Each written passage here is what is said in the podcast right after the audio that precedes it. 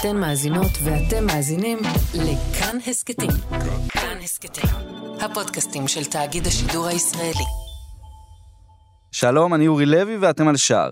יורו, אליפות אירופה בכדורגל. כמה כוח, כמה היסטוריה, כמה מורשת וכמה זיכרונות יכולות לעורר שלוש מילים בעברית. אחת לארבע שנים נפגשות הנבחרות הכי טובות ביבשת המובילה בכדורגל העולמי לחודש של כדורגל. נטו. נטו יורו. חגיגה של רגעים שמחים, עילאיים, עצובים ומרגשים, ובעיקר חגיגה של סיפורים. השבוע, באיחור של שנה בגלל וירוס קורונה, כשהוא מפוזר ב-11 אצטדיונים ברחבי אירופה, עם קהל חלקי בהתאם להגבלות, יורו 2020, שהוא בעצם 2021, יצא לדרך. לכבוד המאורע הזמנו כמה עיתונאים ועיתונאיות כדורגל מובילים ומובילות בישראל שיבחרו כל אחת ואחת את הרגע, המשחק, הסיפור הגדול שלהם בתולדות אליפויות אירופה. למה דווקא אותו רגע נצרב אצלם בראש, ואיך השפיע ושינה את הכדורגל כמו שאנחנו רואים אותו היום. אז עשרה רגעים גדולים מאליפות אירופה בכדורגל. לא דירוג, פשוט רגעים, כמו שהם קרו. אם תרצו, עשרת הסיפורים הגדולים בתולדות היורו בדור האחרון.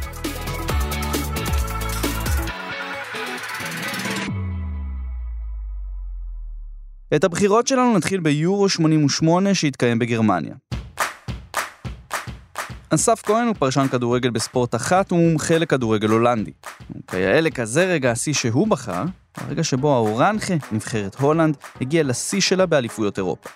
הרגע הזה התקיים בגמר היורו במשחק של הולנד נגד ברית המועצות באיצטדיון האולימפי במינכן. אותו מגרש שבו הולנד הגדולה של 74 הפסידה את הגמר לגרמניה, ו-14 שנה אחר כך היא חזרה. גמר מול ברית המועצות, אותה ברית המועצות שניצחה את הולנד במשחק הראשון בטורניר הזה. ההולנדים התחילו טוב, בדקה 32, רוד חולית הגדול העלה אותם ל-1-0.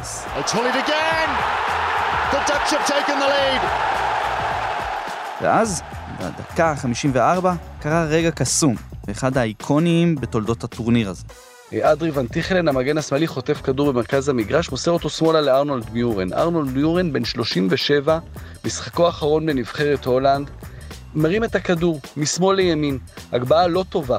כדור הולך רחוק מהשער, אין מי שיוכל באמת לנגוח אותו. ו... אל הכדור מגיע מרקו ון בסטן. השחקן שסומן כמחליפו של יוהאן קרויף, מי שאמור להיות הדבר הגדול הבא בכדורגל ההולנדי, הוא מסתכל, אני חושב שבעיניים שלו זה קרה בסלואו מושן. הכדור הגיע אליו, מקצה הרחבה, מנקודה שאי אפשר באמת לבעוט ממנה לשער. כולם חושבים הוא הולך למסור, לא, הוא בועט. Oh, הוא שולח את הכדור מעל הידיים של רינת דסייב, השוער הרוסי, וכנראה שיש רק אדם אחד בעולם שיכול לכבוש את השער הזה, וזה מרקו ון בסטן. Brilliant מיכלס, המאמן, רינוס מיכלס, מגדולי המאמנים בהיסטוריה, תופס את הראש עם היד שלו, עוצם את עיניו, לא מאמין, הוא האיש שהפסיד ב-74 עם הולנד, הוא הולך לנצח ולזכות ביורו הזה.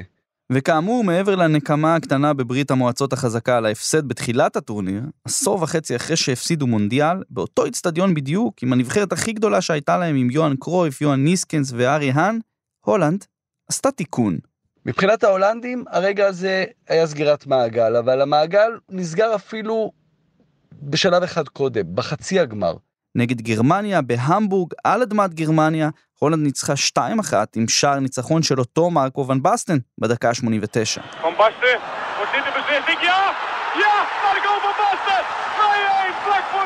פה זה כבר סגר מעגל אחר.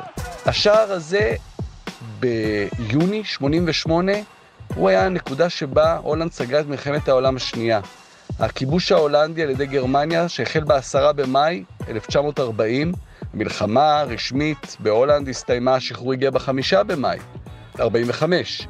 אבל כל השנים אחר כך, השנאה לגרמנים, שהתבטאה בכדורגל, באומנות, בהמון דברים אחרים, השער של ון בסטן בהמבורג, ואחר כך השער בגמר במינכן, הם היו הרגעים שמבחינת ההולנדים אפשרו להם לסגור, להמשיך הלאה, ולנו את הזיכרון הזה של הגול הכי גדול בהיסטוריה של היורו, גול שרק מרקו ון בסטן יכול היה לכבוש. Goed. Oh, de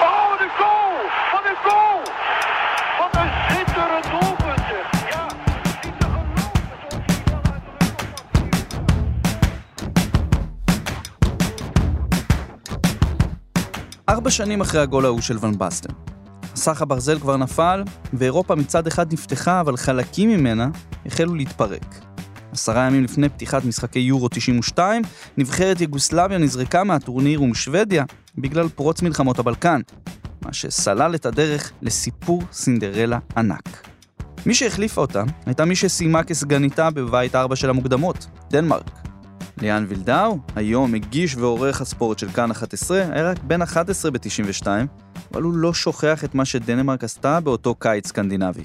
בוא נגיד שנבחרת דנמרק לא הייתה בדיוק הפייבוריטית, לא שלי ולא בכלל, אבל כדורגל זה משחק של ניצול הזדמנויות, ודנמרק לגמרי ניצלה, אחרי שבכלל היא לא הייתה אמורה להיות בטורניר בשוודיה, שגם בפעם האחרונה כלל אה, שמונה נבחרות בלבד. דנמרק לא הייתה סינדרלה רגילה.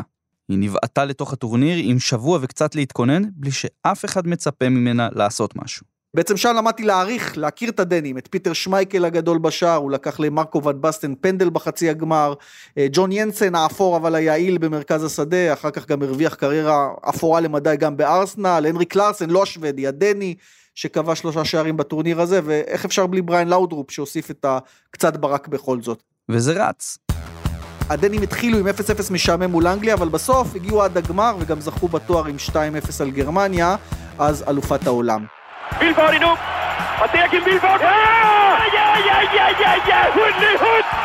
ואיכשהו הזכייה ההיא של דנמרק גם הצליחה להשפיע על הכדורגל הישראלי, או לפחות לנסות. ריצ'רד מולר נילסן, זיכרונו לברכה, המאמן הזה ששנים אחר כך ניסה ללמד אותנו כאן בישראל איך עושים את זה נכון, אה, לא בהצלחה, כשקשר לבלמים הישראלים את הידיים. היה דני ענק.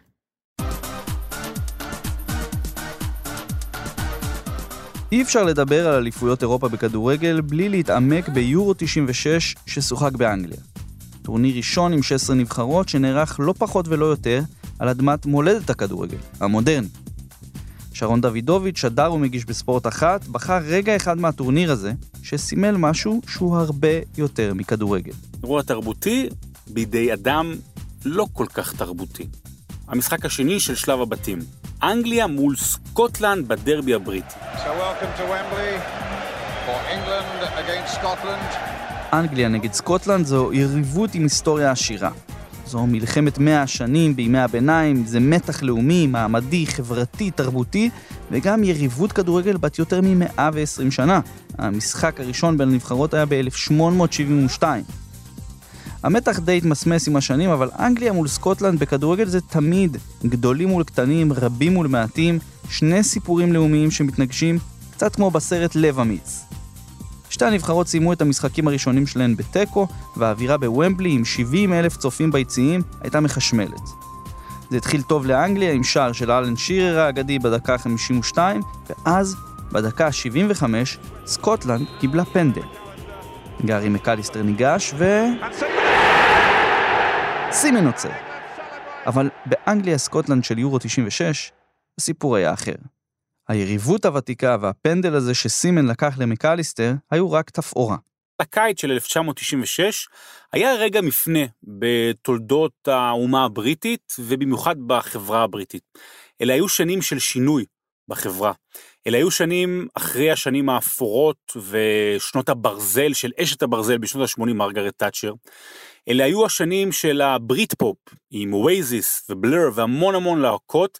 אלה היו השנים של ה cool Britain, שבריטניה הפכה להיות מדליקה. כן, גם עם הספייס גירלס ועם דיוויד בקאם ועם הפרמייר ליג שהחלה לעלות אה, לגדולה ועם מנצ'סטר יונייטד ועם המון המון דברים כיפים ומעניינים. והיורו של 1996 היה אמור להיות נקודת השיא. It's coming home, זה השיר ששרו לפני הטורניר.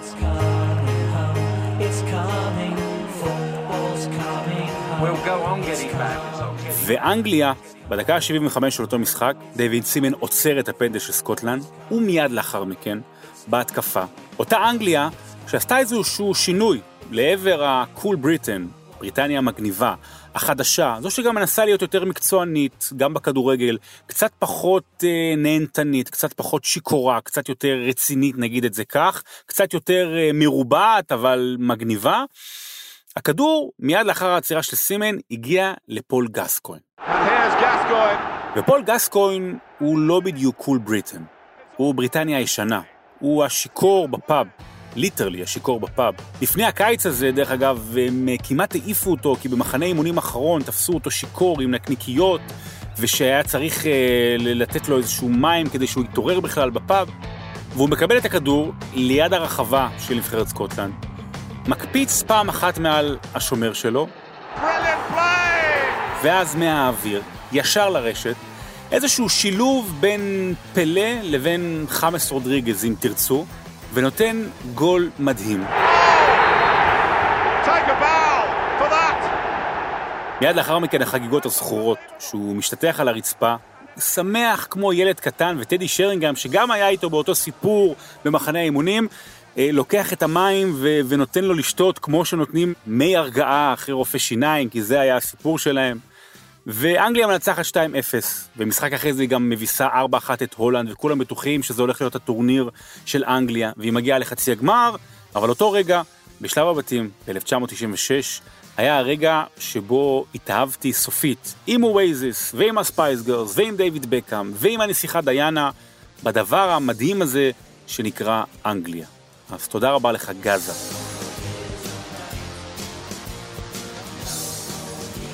רגע, רגע, אבל זה לא נגמר ככה. יש המשך לסיפור של אנגליה. בחצי הגמר, היא פגשה יריבה עוד יותר גדולה מסקוטלנד. עוזי דן, עיתונאי הכדורגל העולמי של הארץ, שהיה ביורו 96 וסיקר את הטורניר לעיתון, נזכר בחצי הגמר של האנגלים עם גסקווין והפוטבול is coming home נגד גרמניה. גרמניה ששש שנים לפני זה העיפה אותה בפנדלים בחצי גמר מונדיאל, גרמניה שהיא ניצחה אותה כמובן בגמר המונדיאל ב-66, אותה גרמניה שלחמה בבריטים בשתי מלחמות עולם, שהפציצה את הממלכה בבליץ המפורסם ב-1940, גרמניה שהייתה האויב. זו שבכל מפגש איתה היו מכות אדירות בין אוהדים, היריבה הכי גדולה שיש. האווירה של דרבי מטורף. העיתונים הצהובונים, הסן מראה את הגרמנים כמו חיילים בוורבכט, ואת הבוז ששרקו לגרמנים באותו יום בוומבלי אי אפשר לשכוח.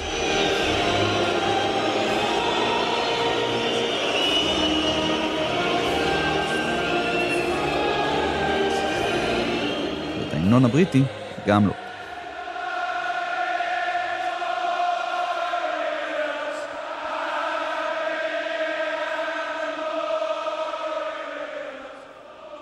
אחד אחד במשחק, בוומבלי מפוצץ, וומבלי הישן, אנגליה יותר טובה, נכנסים להערכה, מגיעים לפנדלים. What more did you expect from Paul Gascoigne? כל הראשונים כובשים, תשעת הראשונים כובשים, כל בעיטה של האנגלים זה שירים ו football's coming home ואווירה, שהנה הנה אנחנו עולים לגמר, Oh, yes, he can. את הפנדל של גרמניה, סטפן קונץ הפציץ גבוה ופנימה. Fast ואז בא גארט סאוטגייט, היום מאמן אנגליה כמובן, ומחמיץ. It's been saved!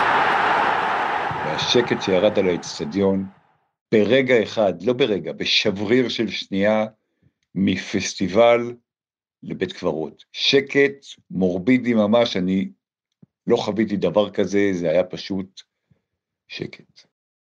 שוב פעם גרמניה, שוב פעם בפנדלים, רק הפעם בבית, באנגליה, בממלכה. בסוף אותו טורניר הכדורגל לא בא הביתה, או נשאר בבית, אלא נסע לברלין. וזה אגב גם קורה ביורו, ובכלל בחיים. לפעמים רגע ייחודי ובלתי נשכח, כזה שמקבע סטריאוטיפ, שיוצק נפח ומהות בזהות כדורגל, הוא בכלל רגע של פספוס, של החמצה. וההחמצה ההיא של סאות'גייט היא בלי ספק חלק מהזהות של הבריטים.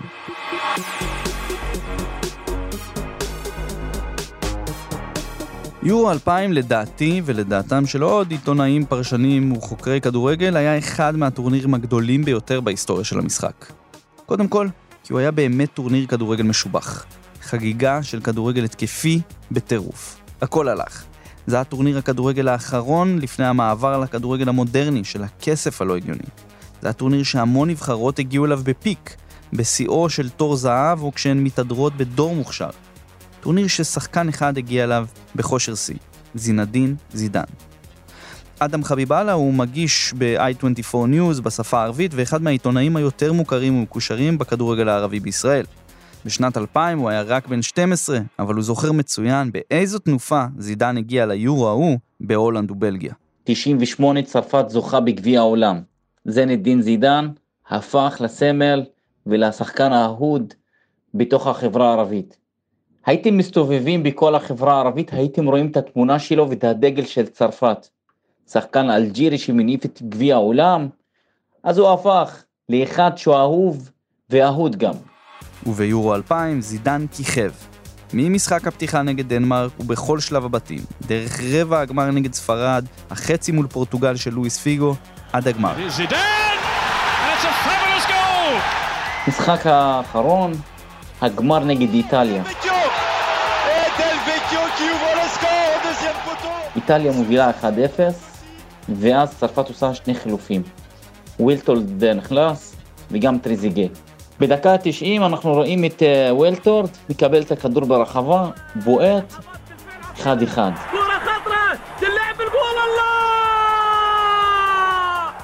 לרגע, רק לפני דקה, היינו מסתכלים ורואים את נבחרת איטליה מכינה את עצמה לחגיגות, השחקנים עומדים בספסל, עוד רגע זה מסתיים. אבל הכל התהפך. אחד אחד והולכים להערכה. טריזיגן מקבל כדור בדקה 103, בועט את זה פנימה, 2-1 לצרפת שזוכה בגביע אירופה.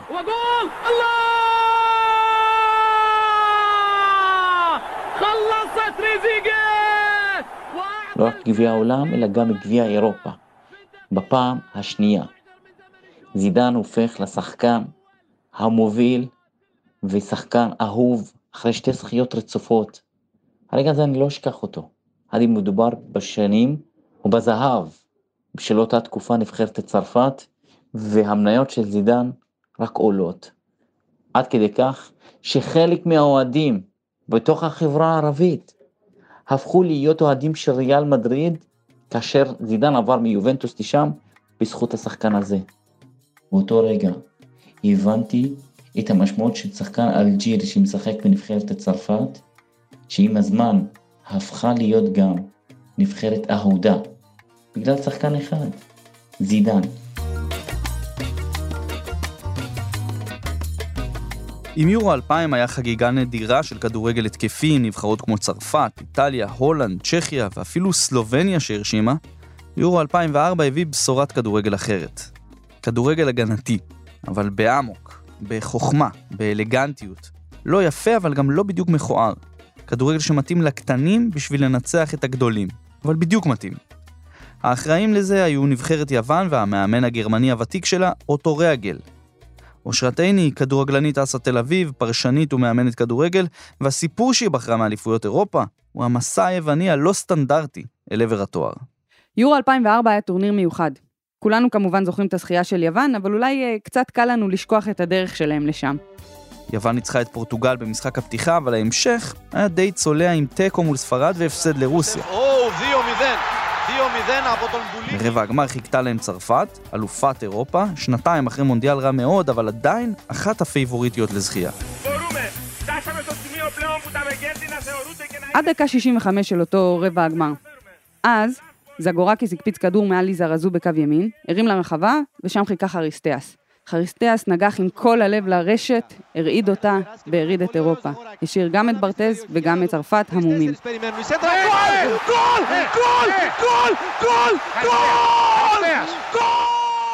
היוונים עם חריסטיאס הפכו אז למקור השראה להמון קבוצות כדורגל מסביב לעולם.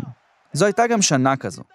פורטו ומוריניו זכו בליגת האלופות עם כדורגל שקוטל ענקיות, ופתאום חזרה לאופנה האג'נדה ששמה את ההגנה, משחק ההקרבה ומאמץ הקולקטיב במרכז השיח וההגות בכדורגל. ההשפעה של זה חלחלה עד נבחרת הנשים של ישראל. באותו זמן, פה בישראל, התכוננו למוקדמות יורו 2005. ובכל פעם שתרגלנו מצב נייח, היינו צועקות, מי לוקחת את חריסטיאס? ובגמר הוא עשה את זה שוב.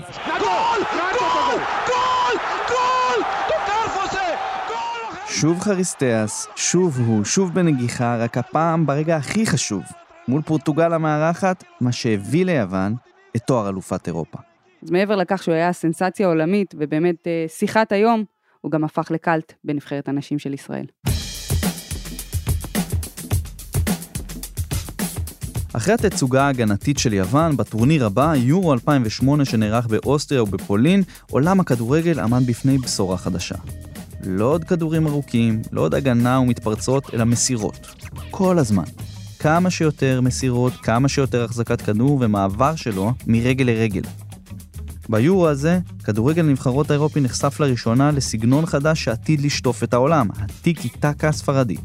זוכרים את התקופה הזו? Juega Joaquín, Sergio Ramos la apoyaba por la derecha, Joaquín atrás, con Xavi, el que recibe ahí es Iniesta, Iniesta de nuevo con Xavi, por delante es Fábregas, ese triángulo que tiene ahí en el medio campo el equipo español, atención a Joaquín que recibió la pelota de Xavi, מירי נבו, מגישת חדשות הספורט בערוץ הספורט, בחרה את המשחק שסימל יותר מכל את התנגשות האג'נדות הכדורגלניות של הזמן ההוא, רבע הגמר בין ספרד לאיטליה. המשחק הזה היה חשוב לא רק בקביעת זהות העולה לחצי הגמר, אלא הייתה לו משמעות לנו, אוהדי הכדורגל, מבחינת תפיסת העולם של הנבחרות. איזה כדורגל ינצח? מצד אחד ספרד, עם הכדורגל האטרקטיבי, ההתקפי, עם ויה ועם צ'אבי, לעומת איטליה, שאומנם הגיעה כאלופת עולם, אבל משחקת בונקר, משחקת uh, מסתגרת. עד אותו טורניר, ספרד נחשבה ללוזרית הגדולה של הכדורגל האירופי. כזו שתמיד מתהדרת בסגל מרשים על הנייר, אבל לא זכתה בדבר מ-1964. אם זה לא מספיק, היא הגיעה למשחק הזה כשהיא לא מצליחה לנצח את איטליה בטורניר רשמי כבר 88 שנה. עכשיו, המשחק התפתח בדיוק כצפוי. הספרדים שיחקו התקפי וחיפשו את השער, והאיטלקים כמובן שיחקו הגנתי וחיפשו את המתפרצות. עברנו 90 דקות, עברנו הערכה ולא היו שערים, ואז הגיעו הפנדלים, ומי שכיכב היה איקר קסיאס, השוער הספרדי. והמשחק הזה מסתיים ב-4-2 לספרד, אושר גדול לא רק לספרדים, אלא גם למי שאהב את, ואוהב את הכדורגל היפה. ומהמשחק הזה, מהטורניר הזה, יצאה שושלת שלא עצרה במשך שש שנים. ספרד זכתה ביורו הזה, במונדיאל שהגיע שנתיים אחר כך, וגם ביורו הבא, של שנת 2012. כל אוהבי הכדורגל היפה מאושרים, כולל אני.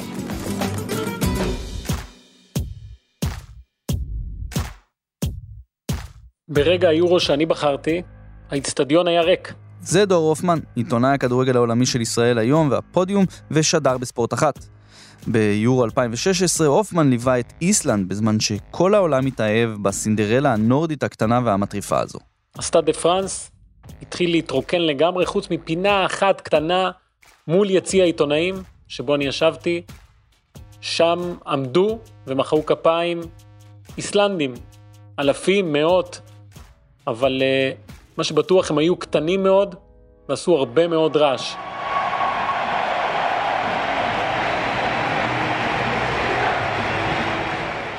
מה שאדיר, שזה קרה אחרי שאיסלנד הפסידה.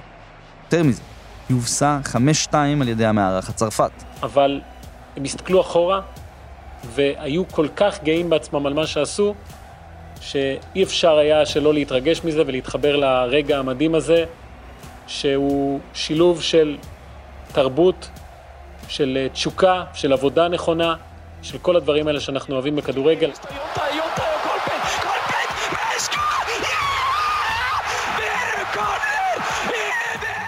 כמובן הדרך שלהם עד לשמה, בפעם הראשונה בהיסטוריה, מדינה של 300 אלף איש, כל הסיפור על הבנייה הנכונה, על המערך שהם הקימו שם כדי להגיע לטורניר הזה, ומה שהם עשו בטורניר עצמו כמובן, שסיימו במקום השני בבית שכלל גם את פורטוגל, ובשמינית הגמר לנצח את נבחרת אנגליה, ואת כל זה לעשות בדרך הייחודית שלהם.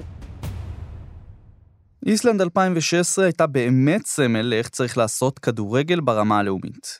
נבחרת שהייתה תוצר של תכנון יסודי מלמטה, יישום ברמה הגבוהה ביותר, סבלנות כמובן, ובינגו, זה הצליח.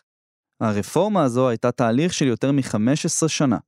האיסלנדים עשו הכל, הם בנו עשרות מגרשים, חלקם מקורים שיאפשרו להם לשחק בחורף הקשה שם, הם השקיעו בהכשרת מאמנים ברמה הגבוהה ביותר בוופא, ואפשרו לדור שלם של שחקנים להתפתח בצורה אחרת לגמרי ממה שהתפתחו שחקנים איסלנדים עד אז. כדי לנצח על כל זה הם גם מינו מאמן ראשי מצוין לנבחרת הלאומית, השוודי לארס לגרבק, שפיקח על ההתקדמות של התוכנית בשנים שלפני הטורניר, ובכלל, פשוט הראו לעולם, ובמיוחד למדינות קטנות, אהם אהם, איך עושים זאת נכון.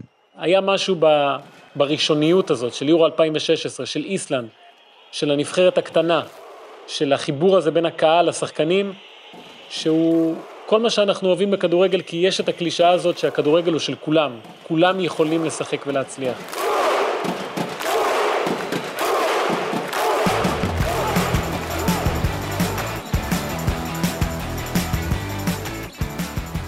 אנחנו ממשיכים ביורו 2016. הטורניר הזה ייצר כמה רגעי כדורגל מבריקים, כאלה שפותחים את הראש לסגנון חדש. אבל לא רק לשחקנים, אלא גם לצופים ולפרשנים. אורי קופר, עיתונאי הכדורגל של ידיעות אחרונות, פרשן הליגה הספרדית והאיטלקית בערוץ 1, סיקר את הטורניר בצרפת, והזיכרון שלו משם אולי לא קשור לגול או משחק ספציפי, אבל שינה את איך שהוא תופס את המשחק. עיתונאים ישראלים שמגיעים לטורניר גדול, כמו יורו המונדיאל, נכנסים לקצה של ההיררכיה התקשורתית, בסוף. וכשנחתי בפריז לשמינית גמר יורו 2016 התבאסתי שעל המשחק הראשון, שמינית גמר ענק בין ספרד ואיטליה, הושיבו אותי בשורה הכי עליונה באיצטדיון. אבל בדיעבד התברר שמדובר באחד המהלכים החשובים שפיתחו את קופר כפרשן כדורגל. כשנמצאים למעלה רואים את כל המגרש בלי להזיז את הראש, לא מסתכלים רק על אזור הכדור אלא גם על השחקנים האחרים שרחוקים ממנו. שמים לב למיקום שלהם, לתנועה. איטליה סיפקה כיתת אמן טקטית באותו יום. האצטדיון בסן דני היה אפשר לצפות בשחקנים שלה כמו חיילים, בתרגילי סדר כאלה, כולם זזים ימינה יחד, כולם זזים שמאלה יחד, כולם עולים למעלה יחד, כולם יורדים למטה יחד. נבחרת ספרד אז העמידה את אחד הסגלים המרשימים, רמוס, פיקה, בוסקץ, סילבה, אינייסטה, אבל האיטלקים היו נבחרת, גוף אחד, יחידה אחת. אני זוכר שירד מבול ואנטוניו קונטה מאמן איטליה מיד שלף מאיפשהו כובע והמשיך להשתולל על הקווים. והראש של אה, המאמן השני, ויסנטה דל בוסקה, היה חשוף, אז הוא ישב כל המשחק על הספסל, נזהר להתרטב. שחשבתי אז איך הסיטואציה מתאימה למה שקורה על הדשא, איך קונטה מגיע מוכן ומאומן לכל תרקיד, אפילו הדבר המטופש הזה. ומאז בכל פעם שאני רוצה ללמוד באמת במשחק כדורגל אני יושב למעלה, גבוה, אני מנסה לראות אם מישהו מתקרב למה שעשתה אז איטליה.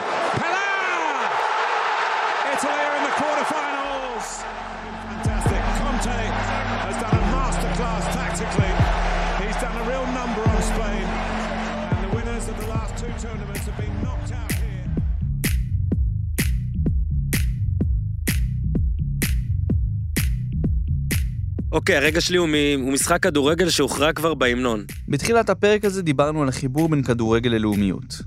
ההיסטוריון בנדיקט אנדרסון קבע שהמדינה המודרנית היא בעצם קהילה מדומיינת, שמתקיימת רק בזכות סיפור שמאחד ומגבש את האנשים בני אותו לאום סביב זהות לאומית. סביב סיפור. כדורגל הנבחרות מספק לנו סיפורים כאלה, ובמיוחד שירת ההמנונים לפני המשחק. אורן יוסיפוביץ', עיתונאי ספורט והבעלים והמגיש של פודקאסט הפודיום, בחר לנו רגע כזה.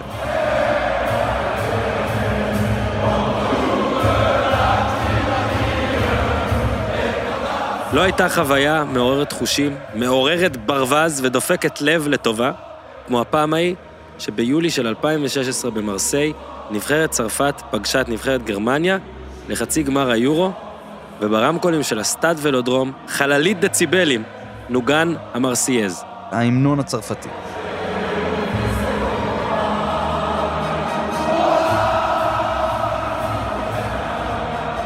המרסייז הוא שיר מלחמה שנכתב בסוף המאה ה-18. הוא נקרא כך, מרסייז, כי הראשונים לאמץ אותו היו חיילים צרפתים בני העיר מרסיי.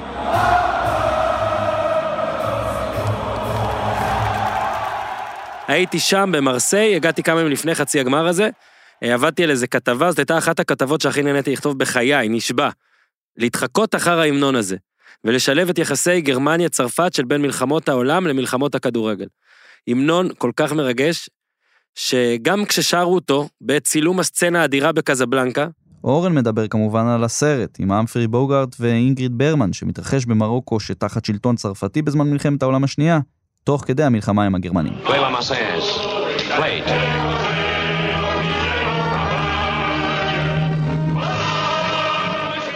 הסצנה הכי טובה בקזבלנקה, סצנה שהייתה בעצמה קרב המנונים צרפתי-גרמני, מספרים שהניצבים ששרו את ההמנון הצרפתי שם בכו.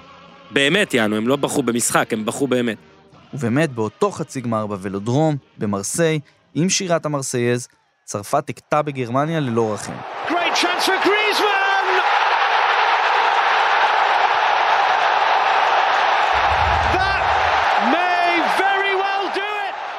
אנטואן גריזמן כבש בדקה ה-45 והוסיף את השני בדקה ה-72. וכמו שאמרתי, את הכרטיס לגמר צרפת כתבה כבר בהמנון. וככה, ממרסיי, עיר המהגרים, הלב הפועם של דרום צרפת, הטריקולור העפילה לגמר היורו שהיא מארחת כמו מילוע של תותח, או של חיילים צרפתים ממרסיי במאה ה-18, כמו שאורן תיאר, מתוך הלוע שלה עצמה, של המדינה, של הלאום הצרפתי, של האנשים, הצרפתים. לצערה, בגמר זה לא עזר לה. אולי כי הוא התקיים בפריז.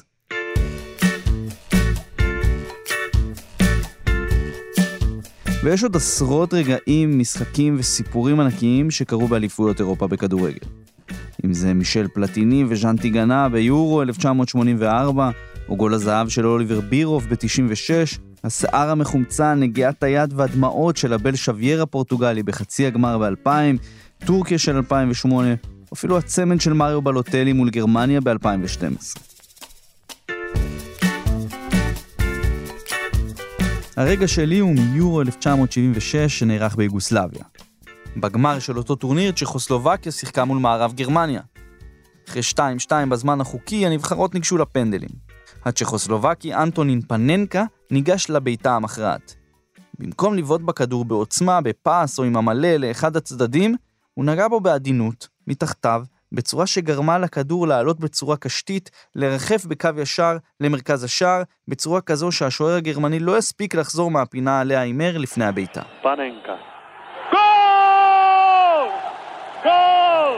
Sme majstri Europy na rok 76! עד היום, 45 שנים אחר כך, יש בעיטה שקרויה על שמו, ובכל העולם קוראים לה ככה, פננקה. גם זה קרה לראשונה באליפות אירופה בכדורגל. אבל ב-1976 אני עוד לא נולדתי. הזיכרון שלי הוא מיורו 2000, ממסיבת הסיום של כיתה ו'. השרת של בית הספר שם לנו טלוויזיה קטנה בחדר שהיה מאחורי הבמה, וככה אחרי כל קטע שעלינו להציג ולשיר מול ההורים, רצנו כמו משוגעים לראות את חצי הגמר בין הולנד המארחת לאיטליה. המשחק עצמו הסתיים ב-0-0, כשהולנד מחמיצה שני פנדלים בזמן החוקי ובהערכה, ועבר לבעיטות הכרעה מהנקודה הלבנה. יפסטם ההולנדי הגדול שלח את הכדור לשמיים, ואז הגיע פרנצ'סקו טוטי. הרומאי, הגלדיאטור, עם כריזמה ושקט של קלינט איסטווד כמעט. הכניע בפנדל מבריק את אדווין ונדרסאר, ועזר לאיטליה להפיל לגמר מול צרפת. הבעיטה של טוטי לא נראתה כמו שום דבר שהכרתי לפני כן, ועד היום אני זוכר בהתרגשות את בעיטת הפננקה הראשונה שראיתי. Oh, that has to be the cheekiest penalty ever. Quite incredible.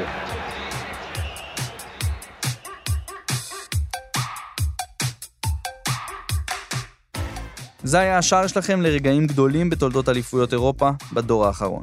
אם נהניתם מהפרק, אתם מוזמנים להצטרף לקבוצות הפייסבוק שלנו, שער, הסכת כדורגל וכאן הסכתים. אם אתם אוהבים להאזין בנסיעה, שווה לכם להוריד את אפליקציית כאן רכב, כנראה שזה יהיה לכם ממש נוח. ולעוד תוכן על יורו 2020 ובכלל, אתם מוזמנים לעקוב אחריי בפייסבוק, לויניניו בטוויטר ובאינסטגרם, או אורי לוי בטלגרם. לדוברי האנגלית שביניכם, אתר בבגול.קום מחכה לכם עם המון תוכן, ואנחנו כמובן גם בכל הרשתות החברתיות השונות. תודה על הנבחרת שלי ביורו הזה ובכלל בשאר. ניר גורלי על העריכה, רחל רפאלי על הסאונד, ותומר פאור. אז It's coming home, take it home, או פשוט Keep it real.